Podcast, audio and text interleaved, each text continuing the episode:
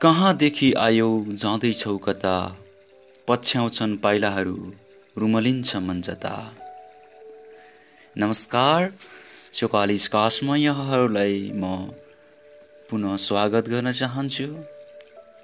आज मैले यस एकदमै न्यानो बृहत र नयाँ एपिसोडमा मैले आफ्नै भावनाहरू जुन कविता कवितात्मक शैलीमा लेखेको थिएँ यसैलाई नै मैले सुनाउन गइरहेको छु यहाँहरू समक्ष। यो कविताको ब्याकग्राउन्ड भन्ने हो भने मेरो निनी अजी अर्थात् हजुरबुवाको दिदी। चौरासी वर्ष लाग्दाखेरि के चलन हुने रहेछ भन्दा हाम्रो नेवारी संस्कारमा दुईजनालाई पुनः फेरि नवदुलाहा नवदुलही जस्तै बनाएर एउटा सेलिब्रेसन गर्ने।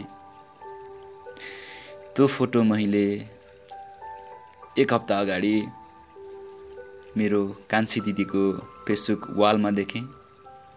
त्यो देखिसकेपछि मलाई केही लेखौँ भन्ने भित्रैबाट आवाज भयो। त्यस पश्चात मैले मेरो मनहरूलाई कोर्दै कोर्दै यी शब्दहरू बने यी शब्दहरू कस्ता छन्?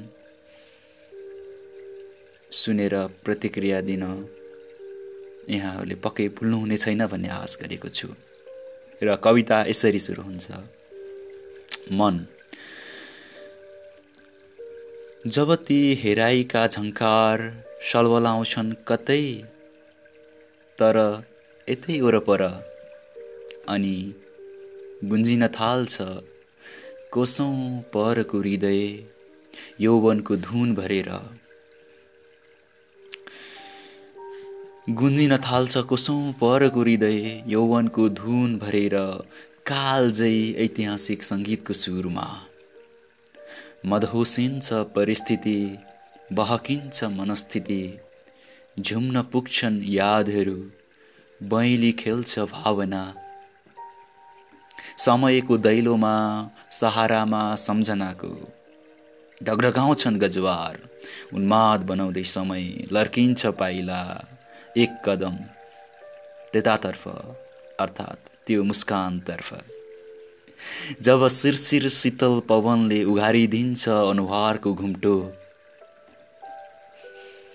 जब शिरशिर शीतल पवनले उघारिदिन्छ अनुहारको घुम्टो त्यति नै बेला जति बेला आमान्य सामान्य हुन्छ नजर लाजले डेरा जमाउँछ सुविधा सम्पन्न क्षेत्रमा। त्यसैले त होला बसाइ सर्न माने पो यो। र यसै गहनामा सजिएकी तिमीलाई हेर्दै जिजिबिसा बलिष्ठ बन्छ तनमा। र यसैको गहनामा सजिएकी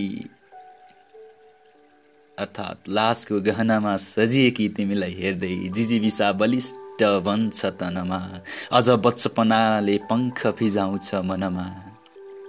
कावा खाँदै खुल्ला आकाशमा बिउ छर्दै प्रेमको अनन्त सयरमा डुबुल्कियौँ लाग्छ।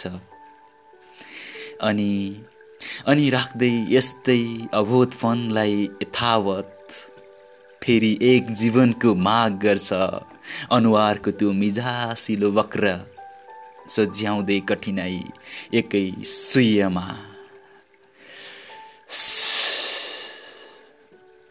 र कामना गर्छ यसरी नै एकअर्काको नयनमा दृश्य भर्दै धड्किरहन पाइयोस् जोडिरहन पाइयोस् चम्किरहन पाइयोस् निरन्तर निरन्तर अनि क्रमशः।